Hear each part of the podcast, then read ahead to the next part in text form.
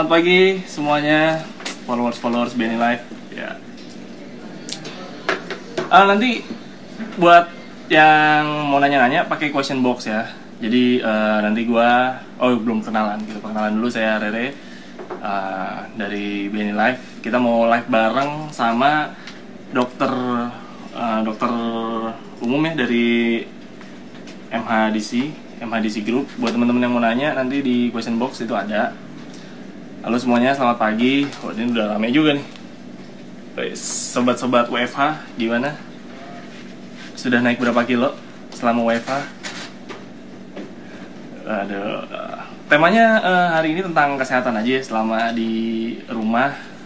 Nanti kita mau nanya soal kayak memenuhi gizi yang cukup, itu apa aja yang harus dimakan, terus kegiatan apa aja yang harus di Uh, kan mumpung, mumpung lagi quality time sama keluarga uh, jadi teman ini mungkin saatnya yang tepat buat teman-teman uh, ya melakukan kegiatan apa pun lah sama anak sama keluarga istri gitu suami juga gitu ya.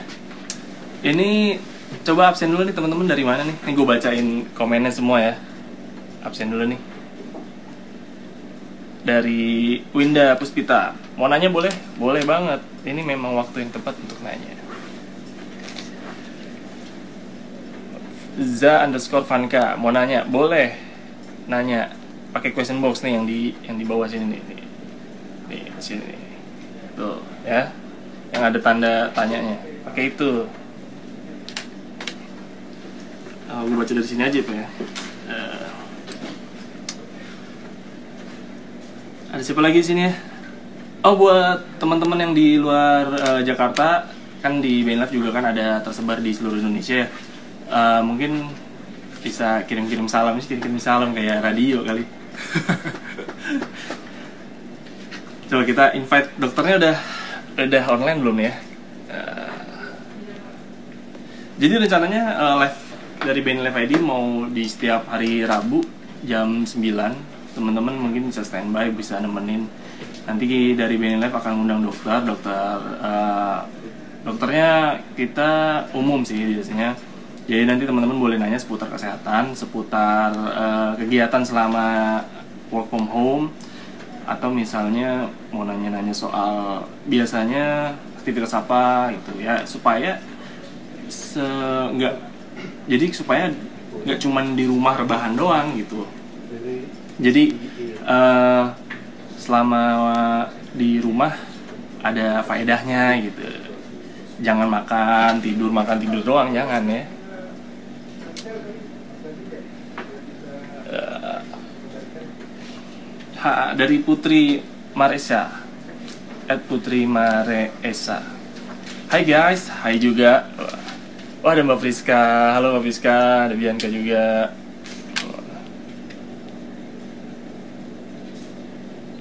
Aduh, dokternya belum muncul nih dokternya.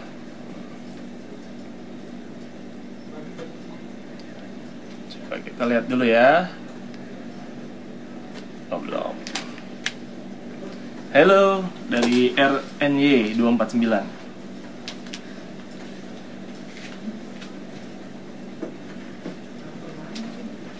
Ini mau ada yang nanya-nanya soal itu gimana? Diri aja dulu. soal apa? Pokoknya ini hari ini khusus buat soal Tema kita pertanyaannya pertanyaannya harus seputar seputar kesehatan ya. Seputar tema. seputar tema kita kan ada tuh di story kita. Mungkin buat yang nggak tahu temanya apa. Kamu juga bisa lihat di live di YouTube. oh ya ini selain di Instagram jadi hari ini eh, live streamingnya kita selain oh kurang naik gue selain hari ini kita live di Instagram kita juga live juga di YouTube ya. Kalau di YouTube dia mungkin tampilan lebih vertikal gitu ya lebih lebih luas gitu eh, hari ini. Jadi di Instagram dan YouTube kalian bisa tonton yang buat lagi mungkin lagi di jalan mau ke kantor atau mungkin lagi mau ya ada urusan keluar yang memang penting gitu ya. Eh, nah ini dokter udah live nih Pokoknya teman-teman eh, karena dari WHO sudah mengumumkan wajib pakai masker, eh, jangan lupa ke mana-mana pakai masker. Kalau misalnya memang ada kegiatan yang penting banget, gitu ya, gunakan masker. Bukan karena takut tertular, tapi mungkin bisa jadi menghindari juga kita menularkan ke orang lain juga gitu. Ini saya lagi nggak pakai masker karena lagi di dalam ruangan, aman ya. Ini ada nih maskernya. Eh, dokter sudah eh, live ini. Kita undang aja kali ya. Kita undang.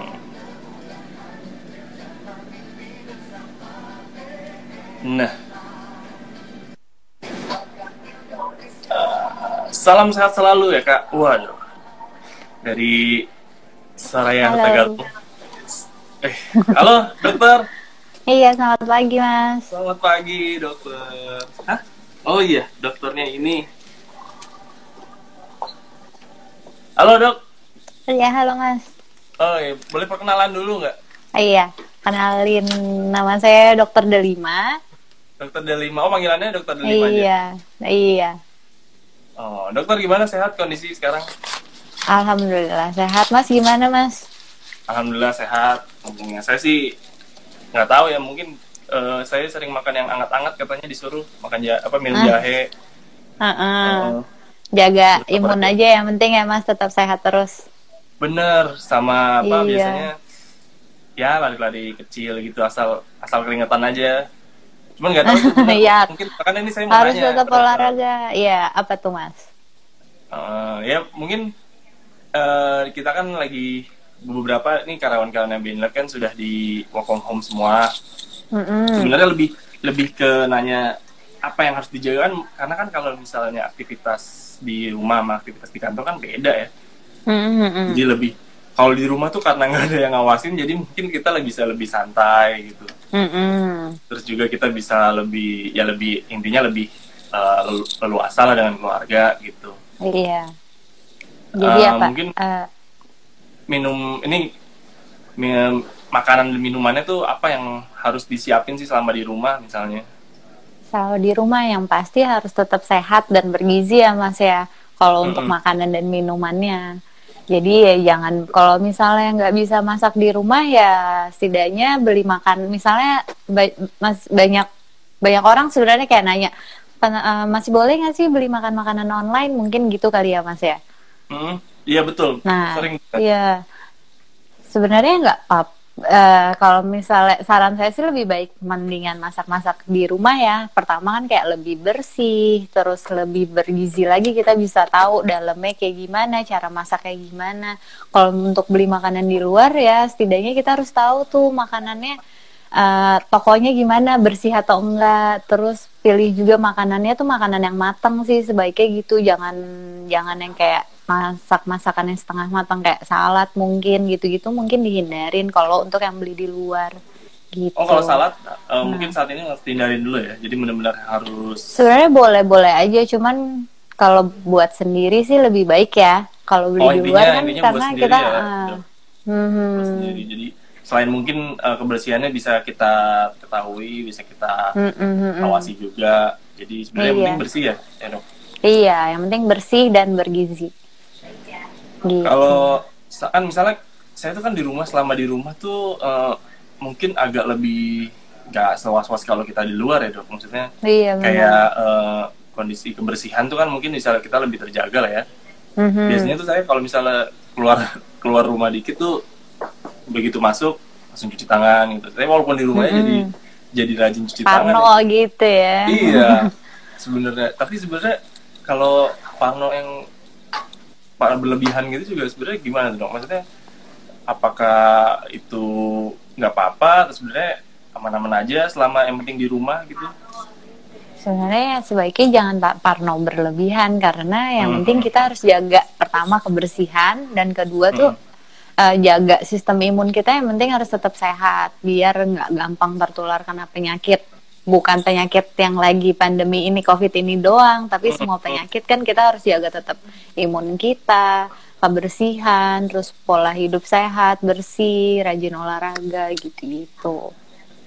Oh ya yang penting itu ya sebenarnya. Iya ntar takutnya COVID-19 ini kita nggak kena tapi ini ya. Kena penyakit lain. iya sakit lain datang. iya. Aduh. Eh, tapi eh, dokter aktivitas saat ini masih masih harus memungkinkan keluar rumah Oh. atau gimana? Untuk saat Harus ini jaga. sih karena eh, tetap kita harus tetap jaga. Aku kalau aku pribadi sih lagi nggak praktek dulu sementara karena kan Oh. emang lagi kayak gini kan. Oh, Jadi hindari. spesial hari ini keluar nih. Iya Hari dong. keluar, ID live gitu. Iya, iya. Ini, ini live dari mana? Dok kalau boleh tahu. Dari MHDC di Jam Sostek. Oh iya iya semoga Iya. aman lah ya dok ke mana-mana. Iya dong. Amin. Bisa ini. Semoga semuanya sehat. Oh, bener-bener itu karena karena di kondisi kayak gini orang-orang tuh jadi baru terutama saya ya baru sadar Mhm. ternyata emang kesehatan itu yang paling berharga. Iya. Karena lebih baik menjaga daripada mengobati ya. Eh, nah terus mungkin untuk yang nggak bisa work from home gitu, yang mau Hmm. memungkinkan harus keluar rumah, Mhm. Yang paling terutama diperhatikan tuh apa dok? Misalnya ketika outfit yang kita gunakan ketika kita keluar atau misalnya Mhm. sekedar belanja gitu. Ya Mhm. ketemu kayak misalnya ketemu ojek itu Mhm. perlu ada pakai sarung tangan kah atau misalnya mempersiapkan apa? Ada nggak sih sebenarnya? Oh, pertama yang, Yang harus harus kita gunain kan untuk nah pertama yang harus disiapin itu selalu cuci tangan sebel- setelah dari keluar rumah ya. Jangan lupa untuk Hmm. cuci tangan, terus gunain masker karena sempat kemarin-kemarin kan dibilangin kalau pakai masker cuma buat orang sakit kayak gitu ya. Kalau untuk sekarang Hmm, ini kan udah iya, banyak dulu. yang bilang iya udah banyak yang bilang tetap pakai masker aja karena untuk ngehindarin tuh kita kontak kita nggak tahu ketemu sama orang di luar sana ada yang sakit betul. enggak atau enggak itu kan kayak cara kita buat ngelindungin diri sendiri jadi ya tetap Hmm. gunain masker terus tetap harus rajin cuci tangan setelah dari luar rumah. Kalau untuk penggunaan sarung tangan sih nggak perlu ya. Kita kan bisa cuci tangan terus ada hand sanitizer Oh, gitu. pula. Jadi uh, uh, sebaiknya ya itu nggak usah terlalu berlebihan karena ketakutan parno-parnonya. Jadi pakai pakai sarung tangan. Terus ada juga berita yang orang pakai baju hazmat ke supermarket. Kayak Ya, gitu itu kan juga yang jangan Iya, lah ya terlalu heboh, jangan lah ya iya. jangan pakai baju Mm-mm. APD itu ya karena itu Mm. kan nggak boleh nggak boleh Iya, orang justru kasihan malah dokter-dokter yang pada apa Kurangan. yang ada di IGD, yang lagi Oh. pada kesusahan, ternyata ada orang yang dengan gampang yang ngedapetin dan makainya gitu aja. gunakan. kan nggak ada nggak ada kondisi yang mengkhawatirkan di Iya. supermarket kan Mm-mm. Hmm. Eh, terus juga misalnya kalau jadi sebenarnya yang paling penting itu eh, ini ya eh, masker cu- masker dan cu- Masker, eh, pokoknya setelah cuci aktivitas atau tangan, sebelum iya. aktivitas cuci tangan Harus cuci tangan, selalu cuci Oh. tangan dan menggunakan sabun sama air mengalir. sabun dan air mengalir oke Eh, mungkin nih sedikit kita mau baca bacain pertanyaan dok dari beberapa Boleh. yang udah nanya Mm-mm. ini dari ah Sinta Mei underscore Siahaan bagaimana bisa tahu ciri-ciri orang yang yang itu yang positif corona kalau kita tidak swab atau cek ke dokter apakah flu batuk radang tenggorokan Nah, Mm-mm. Tenggoro- radang tenggorokan ah, kalau kita tidak cek ke dokter apakah flu batuk radang tenggorokan apakah pasti positif dok gitu. Gimana tuh ciri-cirinya? Nah, sebenarnya gejalanya kan udah kita kayak tahu kita tahu ya selama ini ya ciri-cirinya kayak lagi influenza ditambah kalau misalnya udah gejalanya lebih parah bisa sesak nafas. Nah, untuk saat ini sih tetap untuk bilang dia pasiennya positif nih, pasiennya negatif tuh itu dengan pemeriksaan lab yang sudah dianjurkan oleh pemerintah. Jadi as- bukan berarti orang yang flu gitu pasti positif positif COVID kalau misalnya belum ada eh, pemeriksaan apa pemeriksaan lab tersebut. Jadi ya tetap sih untuk saat ini untuk bilang pasiennya positif atau enggak itu dilihat dari pemeriksaan labnya. Oh, Gitu. tetap harus menggunakan pemeriksaan ya. Mm-mm. Eh, makanya pokoknya intinya ketika misal udah ada gejala-gejala yang mirip, ya yang boleh dikatakan Mhm. mirip, itu kita harus pakai masker. Jadi supaya untuk menghindari juga Tetap karena untuk menghindari juga Mm-mm. untuk kita nularin ke orang juga karena Kita kan yang juga terpenting kan kalau penyakit ini penularannya ini yang terlalu masif banget, yang Hmm. cepet banget, yang mudah banget makanya kalau udah sakit tenggorokan sedikit atau pilek atau udah bersin bersin coba pakai masker Hmm. untuk ngelindungin bukan ngelindungin diri sendiri kalau emang nggak mau gitu kita juga. harus lindungin orang lain iya mm-mm. Oh iya benar benar benar ya itu sih yang paling ya, memang mau eh, untuk untuk kita tahu positif atau enggaknya ya harus pemeriksaan ya karena sejauh ini kan belum ada eh, Belum karena ada gejalanya mirip lain. terus belum ada Mm-mm. alat yang praktis untuk ngecek harus Mm-mm, beberapa waktu mm-mm. menunggu waktu beberapa lama untuk tahu positif atau tidak ya dok Hmm. Eh, kita next pertanyaan Nah, teman-teman yang mau nanya kalau bisa pakai questions box biar eh, pertanyaannya bisa muncul di eh, live kita ya hmm bentar nah ini. Ini pertanyaannya ngacak tidak berhubungan nggak apa-apa ya dok? Nih. Nah kalau mau berjemur bagusnya itu waktunya kapan? Eh, di pagi hari atau siang hari? Jam berapa kira-kira? Nah mungkin pertanyaan di awalnya sebelum apakah benar berjemur di bawah terik matahari bisa mengurangi resiko terpaparnya covid Hmm. tersebarnya covid Iya, banyak banyak memang ini banyak yang salah paham mungkin ya mas jadi Mm-mm. uh, untuk sinar matahari sendiri itu bukan ngindarin kita dari uh, penyakit covid tapi sinar Hmm. mati- sinar matahari itu kan dia fungsinya untuk mengaktifkan vitamin D di dalam tubuh kita nih Seba- Hmm. kita tuh di manusia udah punya vitamin D tapi belum diaktifkan di dalam tubuh nah cara Ya. ngaktifinnya itu dengan sinar matahari Ka, eh, misal bisa juga sih dengan makanan atau dengan suplemen cuman kan ada cara lebih mudah nih kita untuk mengaktifin vitamin D di dalam tubuh kita kenapa harus cari yang susah ya kan?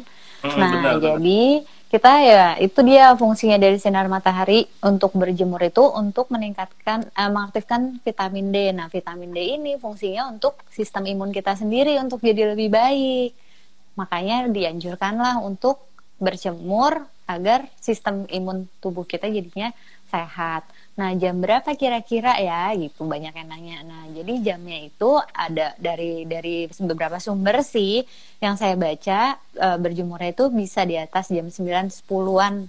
Itu udah baik untuk berjemur. Kisaran eh, waktu 10 sampai 20 menit gitu. oh berapa dok tadi sorry Apanya? 10 Eh, sampai waktunya, 20 menit. Durasinya? 10 sampai 20 menit 10 maksimal menit ya? sampai 20 menit. Ah, Jangan Oh. terlalu lama juga, jangan terlalu sebentar juga. Nah, kalau misalnya di atas jam 10, pokoknya jangan lupa pakai sunblock juga biar nggak apa? Biar nggak kebakar juga kulitnya gitu. Oh, ya, takutnya mungkin eh, durasinya terlalu lama kali ya. Mm-mm. Kalau misalnya kita cuma sekedar ya jalan misalnya dari sini dari rumah ke Mm-mm. Mungkin ke pasar mungkin kalau mungkin deket jaraknya berapa meter gitu itu juga nggak apa-apa lah ya kena kena dikenain matahari juga gitu, kayak Mm-mm, mm-mm. Nggak apa-apa. jam gitu. nggak harus Karena nggak harus sehat apa-apa. juga. Iya. Mm-mm. Oh iya iya. Kita lihat apakah ada pertanyaan lagi dok. Eh,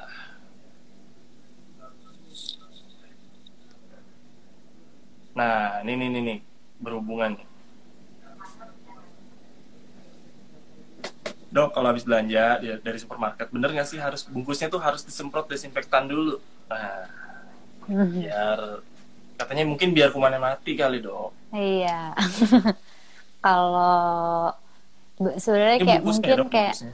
plastiknya ya, plastiknya. Mm, Kalau kalau dari beberapa penelitian dan sumber yang ada sih sebenarnya untuk eh, virus COVID ini khususnya untuk untuk COVID-19 ini ya, dia tuh eh, kecil kemungkinannya untuk hidup lama di daerah plastik gitu-gitu, Mas. Oh, ya, ya. Jadi eh, ya kecil kemungkinan juga karena kan penyakit COVID ini eh, tertular pakai droplet ya, bukan dari eh, dari benda-benda yang kita pegang sebenarnya. Jadi kalau untuk masa hidupnya dan masa hidupnya COVID itu kan harus butuh inangnya, bukan di benda mati. Nah, kalau untuk di plastik ini sih dari beberapa penelitian dia tuh eh, lebih sebentar hidupnya, makanya jadinya ya nggak terlalu nggak terlalu terpapar resiko banget kalau misalnya kita dari yang belanjaan itu misalnya plastiknya dipegang kayak gitu. Mhm. Nah kalau perlu apa enggak sebenarnya ya balik lagi sih ke orangnya. ya. Oh, iya, mau mau mm-mm. Oh, jadi eh, termasuk juga fakta bahwa COVID-19 apa virus si coronavirus ini tidak menyebar lewat udara itu juga eh aduh, kayaknya mungkin banyak orang yang belum tahu juga itu dok ke mungkin masih simpang siur antara Iya, Kak. Iya. eh, kalau untuk COVID-19 ini kan sudah dijelaskan banyak banget dari semua media kalau ini penyebarannya by droplet bukan airborne. Kalau airborne itu pada kondisi-kondisi tertentu dalam dalam tindakan-tindakan medis. Jadi Hmm. ya jangan ya, karena mungkin ya paham sih semua orang pasti parno ya kayak takut Benar, benar. eh, Ya, itu juga. lewat udara gitu-gitu. Mm-mm.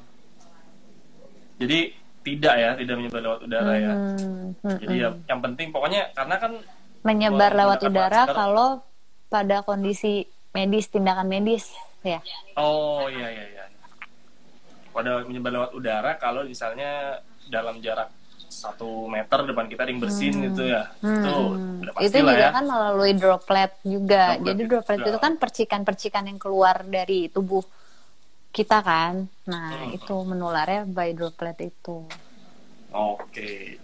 Eh, mungkin ini kan tadi tentang COVID-19 aja nih. Mungkin dari eh, teman-teman nah ini ini beberapa ada yang saya baca dari komen juga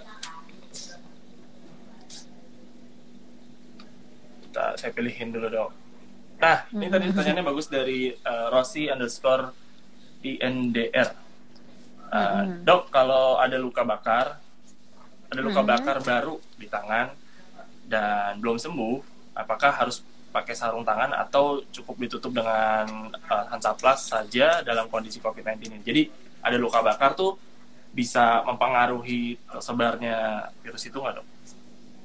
Ini kalau eh, kita eh, kalau harus dilihat dulu tuh luka terbakarnya terbuka atau enggak.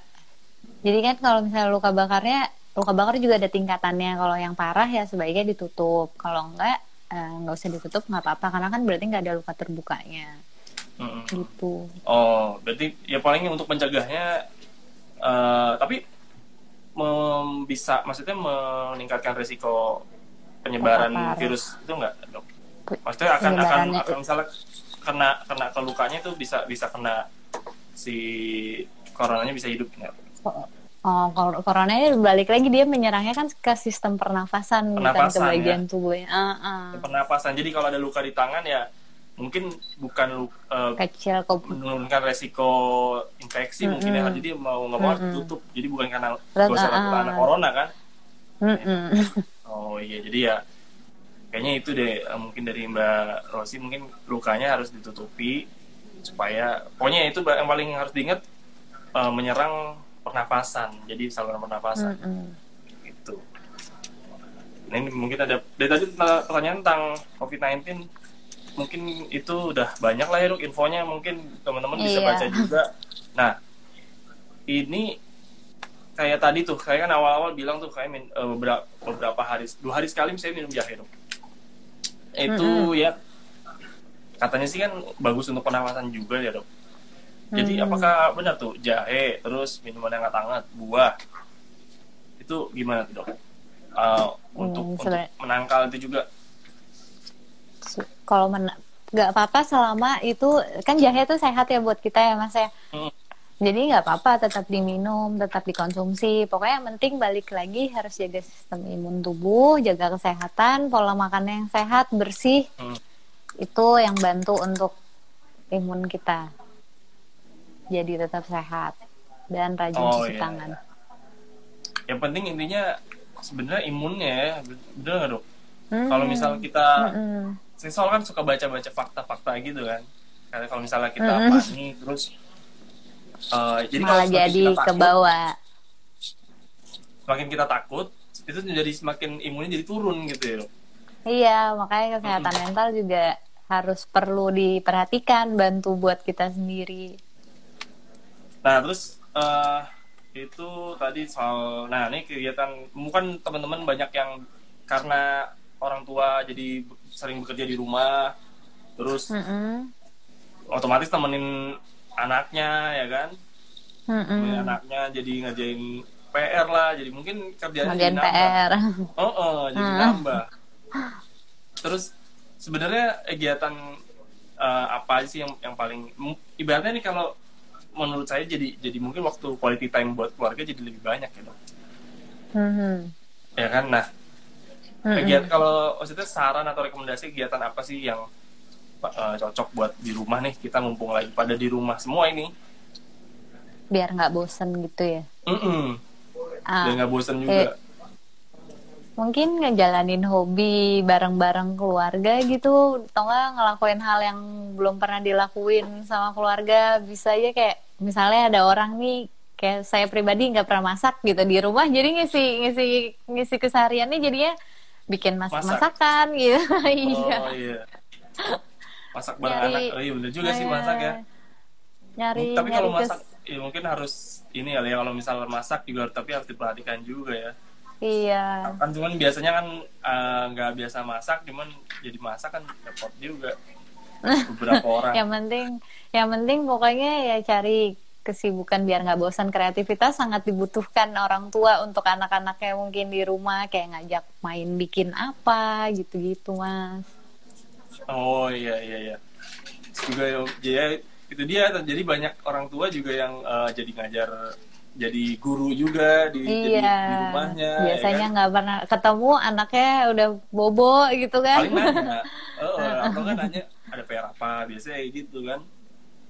Terus nah, sekarang uh, bisa kan bantu. Kan juga ini dok, biasanya kan suka ada mm -mm. Uh, hewan peliharaan ya. Mm -mm. beberapa dari dari teman-teman kita yang di rumah tuh punya hewan peliharaan dan mungkin durasi bermainnya dengan hewan peliharaan tuh kan ya karena kita kerja pulang hmm. bermain gitu nah mungkin kan hmm. karena dengan di rumah ini jadi lebih sering gitu terus hmm. uh, apakah maksudnya sejauh ini bermain dengan hewan peliharaan itu masih aman lah ya tidak perlu ada yang di apa dirubah kebiasaannya sebenarnya gini kita mas baca nggak berita yang terakhir kemarin ada tiger dari US kalau nggak salah kena COVID-19 juga gitu ya oh. coba dibaca saya juga baru tahu kemarin banget nih ceritanya uh -huh. infonya beritanya jadi uh -huh. emang udah ada beberapa binatang peliharaan nih mas yang bisa tertular cuman uh, itu menularnya tuh dari manusianya jadi entah zookeepernya atau pemilik yang positif COVID nularin ke hewannya. Oh. Jadi bukan oh. dari hewan ke manusia.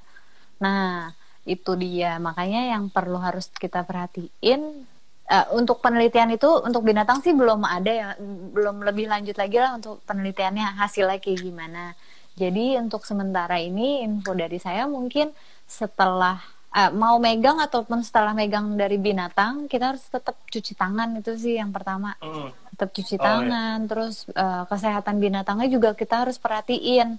Uh, kalau misalnya udah divaksin belum nih kan ada kalau nggak salah vaksin vaksin khusus binatang kayak uh, apa gitu. Pokoknya pokoknya vaksin binatangnya jangan lupa.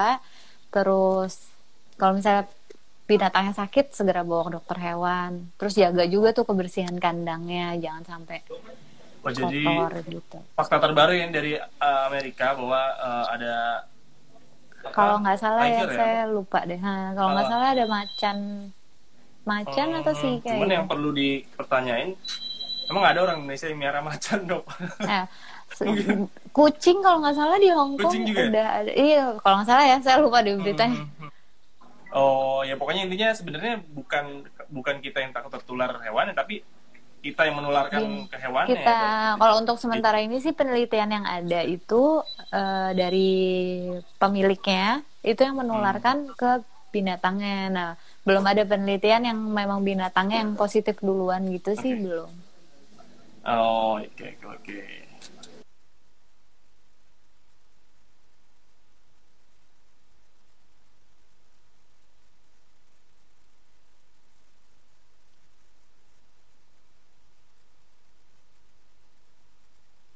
Mana lagi? Ini.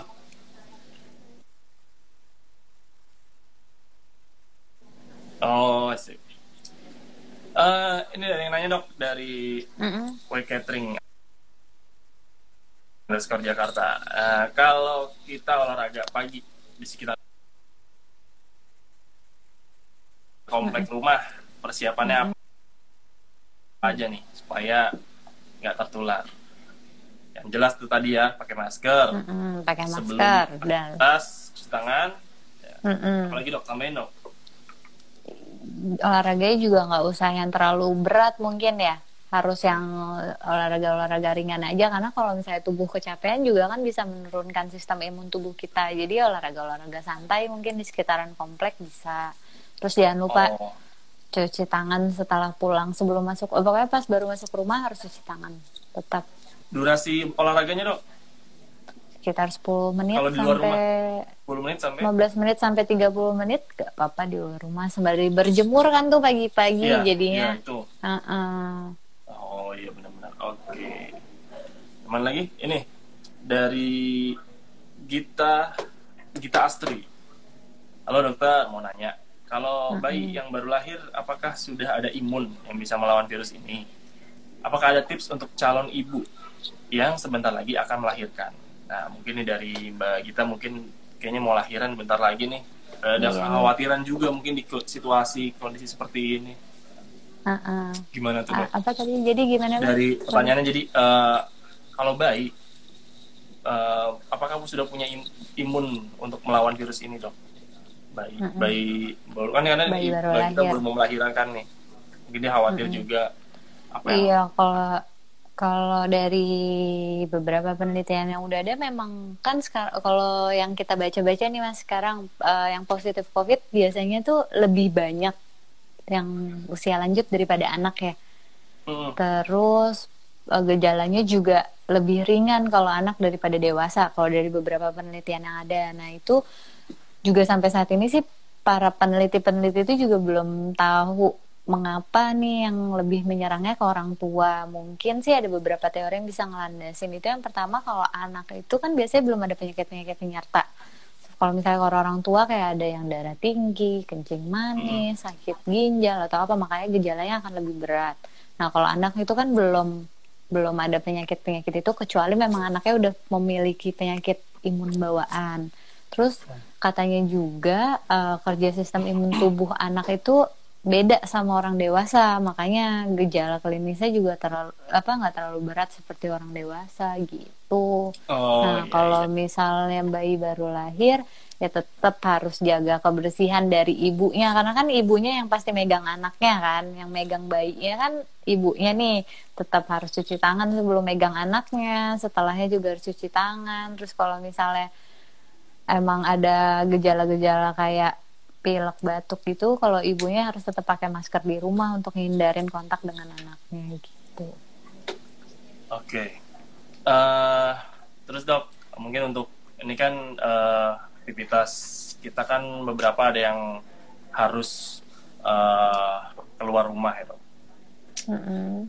Eh, kalau keluar rumah itu eh, jarak antara kita kan sedang diberlakukan social distancing ini kan. Jarak satu atau eh, oh kalau kita keluar rumah jarak satu atau dua kilometer, oh, perlu nggak sih kita mandi lagi? Misalnya kita mau keluar rumah, jaraknya Ah. misalnya ke depan jarak eh, satu sampai dua kilometer lah. Kita dari rumah berangkat mandi, sampai Mm-mm. tujuan selesai balik perlu nggak kita nyampe rumah tuh mandi lagi kalau nggak terlalu lama aktivitasnya di luar ya sebenarnya nggak usah. Yang penting cuci tangan lah. Soalnya tiap masuk itu. rumah cuci tangan Ah, ah. harus cuci tangan rajin. Karena kan tetap penularan. Karena kan tangan yang lebih yang lebih sering ke daerah wajah ke hidung ke mata ke mulut gitu. Harus cuci tangan. Oh. Itu ya berarti penting sebenarnya tangannya ya. Sama mungkin dia lebih kalau selama di luar ya diperhatikan juga kita Iya, dari lingkungan nyentuh sekitar. area muka sama dan hindari kemuru kerumunan. Oh iya itu yang dari kerumunan itu juga ya. Ya itulah mungkin lah ya. Eh nah saya cari pertanyaan lagi dok. Nah eh, kan kemarin begitu isu COVID-19 ini merebak, apa, merebak gitu ya. Mm-mm. eh, isunya terus banyak juga eh, penjagaan-penjagaannya salah satunya dengan bikin desinfektan sendiri Mm-mm.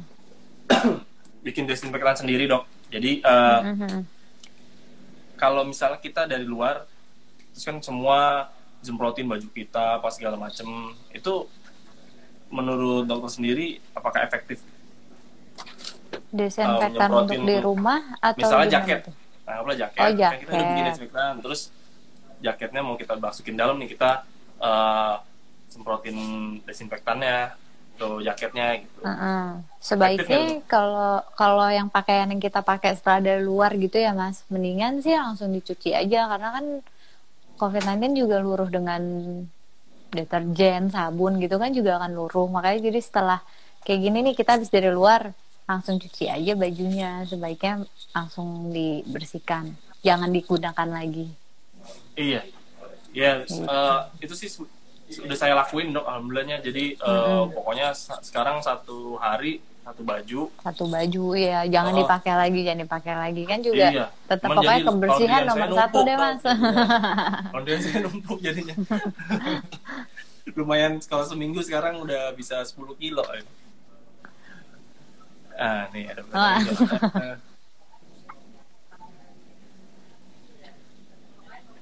pertanyaan. juga. Bentar. Dok, ah. Dok itu kenapa ya setiap baca berita emang ini kan dari Ed Arsita Bidin. Dok itu kenapa ya setiap baca berita mengenai COVID ini kok kayak jadi sesak napas gitu ya dok? Jadi negatif thinking ya itu tadi ya. Jadi itu negatif tadi thinking sama diri se- sendiri. jadi iya parno. jadi takut bawaannya parno makanya kita harus ngindarin tuh berita-berita yang mm, kalau yang membuat kita resah ya nggak usah dibaca sebaiknya hindarin. Karena kesehatan mental pun juga akan sangat diperlukan untuk saat ini. Jadi nggak Oh iya, fisik doang gitu. Hmm, mental kita tuh apa kena, psikis kita kena juga bisa menurunin imun dok. Nur iya makanya harus sehat fisik sehat mental pokoknya semua ya mungkin kalau misalnya memang dirasa sudah aduh udah terlalu pusing dengar berita-berita ya udah. Ternyata ya udah yang penting dulu. kita bisa jaga kesehatan kita sendiri, jaga kesehatan orang-orang sekitar kita gitu. Mm, ya pokoknya dikurangin dulu lah ya dengar berita atau misalnya. Ya yang penting kita eh itu tadi udah melakukan tindakan-tindakan yang memang mencegah supaya eh, tidak terkena virus tadi ya kan? Oke eh ini waktunya?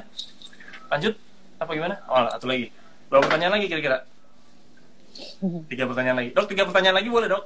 Oh ya boleh. boleh. Nambah biasanya ini. Karena seru dok. Saya saya aduh jarang ngobrol sama dokter. Yang mana tadi? Ini.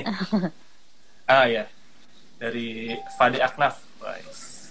Dok kalau masker eh, dilapis tisu aman nggak buat menangkal drop droplet masker, Masker, di- mungkin di bagian dalam kali ya Ha-ha. Kalau masker sekarang saat ini aja masker kain udah dikampanyekan untuk bisa digunakan untuk bisa menangkal lebih dari 70% aman-aman aja sih. Jadi nggak perlu masker bedah yang apa yang biasa dipakai itu kan hanya untuk tenaga Ya, medis ya harus N95 dilakukan. ya, Dok. Heeh, Yang nggak N95 perlu. harus. Heeh. Biar itu jadi, Jadi buat masker. dokter aja lah stoknya Mm-mm, benar. dokter-dokter yang nanganin di Kalau sana. untuk kita kan nggak terlalu besar paparannya kan. Kalau dokter kan udah pasti ketemu pasien yang positif. Kalau kita kan cuma buat ngindarin yang eh, di lingkungan-lingkungan gini. Nah itu masker kain aja pun udah cukup sebenarnya. Jadi nggak usah yang terlalu. Sebenarnya itu balik lagi filter berita. Kita harus bersih apa posit cari yang positif lah intinya. Jangan yang terlalu bikin jadi deg-degan, jadi parno gitu. Oh nih mungkin ada pertanyaan yang bagus lagi dari Freeze Freeze Hall. Freeze Hall. Dok nanya dong. Di kantor kan AC-nya sistem sentral dok. Apakah itu bisa menularkan virus corona? Apa apa yang harus kita lakukan di ruangan ber AC dok? Di ruangan ber AC dok. Jadi mungkin kondisinya karena AC sentral. Apakah itu juga mempengaruhi penyebaran? Tuh, Kalau dok? sejauh ini sih, kalau untuk penyebarannya by droplet ya dia nggak- belum yang sampai belum ada sih yang bilang kayak bisa nular lewat AC atau kayak gimana gimana. Jadi ya balik lagi ke diri kita sendiri ya. Pokoknya semuanya harus sehat-sehat aja. Kalau untuk by AC kayak belum. Nanti coba Oh, iya, ya, baca-baca lagi penelitiannya. Mhm. Ya pokoknya eh, ya itu tadi lah kita ya pokoknya cuci tangan rajin-rajin sama pakai masker udah. Mm-mm. Pokoknya udah supaya bisa eh, kita yang penting eh, berusaha menghindari dulu lah. Jangan pokoknya berita-berita yang sekiranya memang mengganggu bikin kita takut Pikiran, berlebihan harus jangan. dikurangin ya dok. Mm-mm. Ah, ini pertanyaan dari Kirena. Ini pertanyaan terakhir berarti ya. Pertanyaan terakhir. Bedain sesak napas asma sama COVID-19 COVID-19. gimana dok? Nah, kalau asma itu pasti ada riwayat alergi sebelumnya atau keturunan dari keluarga. Pasti seseorang kalau yang udah punya asma ya tahu eh, tahu nih saya punya asma, bawaan asma gitu, bukan tiba-tiba sesek saat itu juga. Terus bedainnya itu eh, kalau asma tuh biasanya bunyi, ada bunyi nyik-nyiknya di nafasnya. Di napas, eh di di bagian paru-paru. Ah, Kalau dengar, pokoknya pada di saat kita Di nafas. bagian hidung atau di dada? di bagian hidung biasanya udah kedengeran kok ada dalam hidung atau di, di pokoknya di daerah saluran ini de, apa pernapasan gini udah biasanya kalau yang asma tuh kedengeran suaranya ngik ngik ngik gitu nah itu asma dan pokoknya ya dari riwayat alergi dari keluarga atau emang udah penyakit keturunan kalau asma kayak gitu udah dari kecil Oh iya, punya intinya- sakit asma nggak tiba-tiba pada saat lagi juga. batuk pilek tiba-tiba sesek itu sih enggak Oh, oke oke. Pokoknya ada bunyinya itu juga ya. Jadi nyik gitu ya dok. Oh, oke oke. Aduh, dok nggak berasa dok. Udah 40 menit ternyata kita ngobrol dok. Iya. Eh, terakhir dok minta saran dari dokter Delima ini Mm-mm. untuk tipsnya supaya kita di rumah tetap sehat dan di rumah juga kita tetap nggak bosen. Apa dok? Gimana? Pokoknya yang pertama harus tetap jangan lupa pokoknya cuci tangan, keluar harus gunain masker, terus jaga pola hidup sehat sama bersih. Pokoknya makan makanan yang sehat-sehat kalau bisa sama jangan apa hindari kerumunan kerumunan. Pokoknya social distancing dulu sementara kalau misalnya emang masih bisa di rumah ya semuanya tolong lakuin di rumah jangan keluar-keluar kayak aduh bosen nih pengen ke sini tolong tolong kurangin dulu perasaan yang kayak gitu ya untuk sementara Iya, benar-benar. waktu nah terus kalau- kalau biar nggak bosan di rumah pokoknya isi waktu luang dengan kegiatan-kegiatan yang biasanya kita nggak pernah bisa lakuin di rumah sekarang jadi bisa dilakuin gitu kayak hobi misalnya masing-masing punya aduh udah ada hobi apa nih udah lama nggak ngelakuin ya coba lakuin untuk ngisi-ngisi waktu luang gitu Oke, benar-benar. Ya dok. Yang penting pokoknya eh, di rumah, di rumah aja dulu lah ya.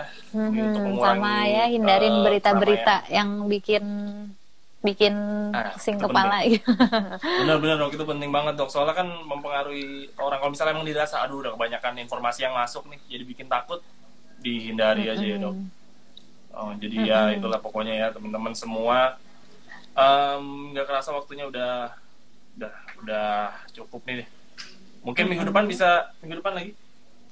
Oke, minggu depan lagi. Minggu depan di hari Rabu jam 9 nanti mungkin bisa bersama dokter Delima lagi kalau misalnya dokter Iya. Delimanya mau ya dok ada waktu misalnya ini minggu depan kita Iya. bisa ngobrol lagi dok teman-teman pokoknya Oke. eh, terima kasih buat yang sudah menyaksikan Eh, dokter Delima terima kasih banyak Terima kasih juga Waktunya. sehat selalu semuanya. amin amin Eh, dokter di temennya ada yang sedang bertugas atau punya Ada beberapa teman sejawat yang sedang bertugas di mungkin bisa sakit. kasih salam dari Ah, teman-teman hmm. BNI Live ID selamat Iya. berjuang terima kasih Oke. sudah berjuang dan Oh, pokoknya iya. doa kita semua menyer- menyertai dokter dan perawat Indonesia Iya. lah Iya.